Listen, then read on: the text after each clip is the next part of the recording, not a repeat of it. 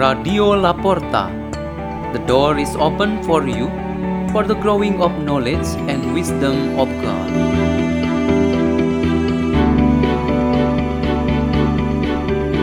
By Margareth Sembiring from St. Francis of Assisi Church, Singapore.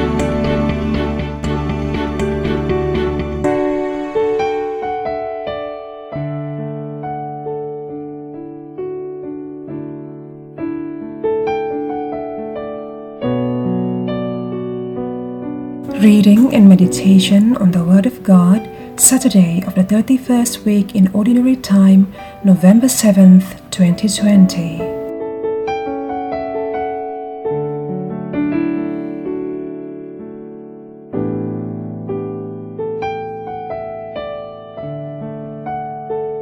The reading is taken from the Holy Gospel according to Luke. Jesus said to his disciples, I tell you, make friends for yourselves with dishonest wealth, so that when it fails, you will be welcomed into internal dwellings.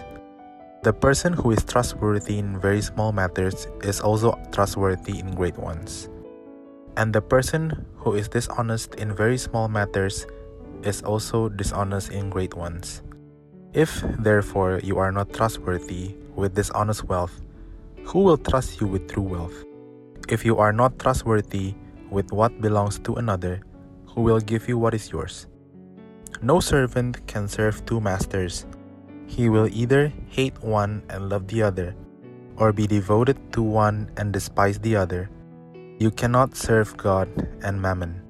The Pharisees who loved money heard all these things and sneered at him. And he said to them, You justify yourselves in the sight of others, but God knows your hearts. For what is of human esteem is an abomination in the sight of God. The Gospel of the Lord.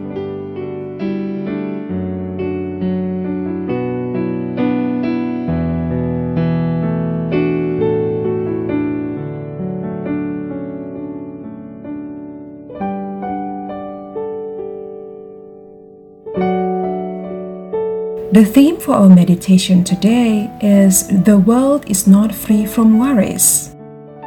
In a bag shop, there were various types of bags with different names and brands. In a particular moment, a teenage girl was about to buy a bag. There were many types of backpacks that interested her, and she needed to select carefully. Then she made a choice on one of them and bought it. When she got home, she was not satisfied with the backpack, so she returned and exchanged it for another backpack. The next day, she returned to the same shop to change her backpack again because the previous one did not give her any comfort. She returned to the shop for the fifth time, but the shop assistant did not serve her anymore.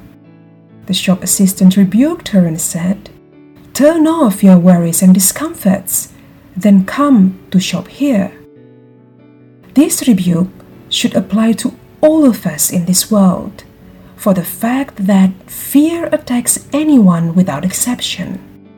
If we are only filled with worry, fear, and discomfort, this world and the surroundings would surely be our enemies. The gospel story we have just heard the Lord Jesus describes how the influence of all the interests of this world threaten our sense of security and peace.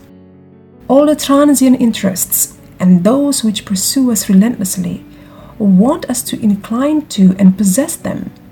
These are called mammons.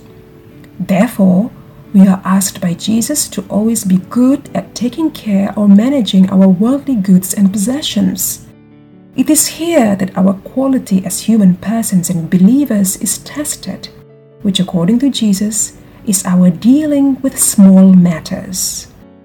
We often worry about tomorrow, whether goods and possessions will still support us. And this should be the opportunity to test our tenacity, endurance, and hope.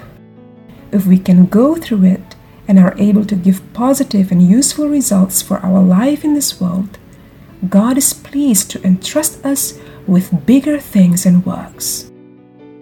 St. Paul describes himself as a person who does not worry about his way of life in following Christ and his attachment to the needs of this world. He was not restless and distracted.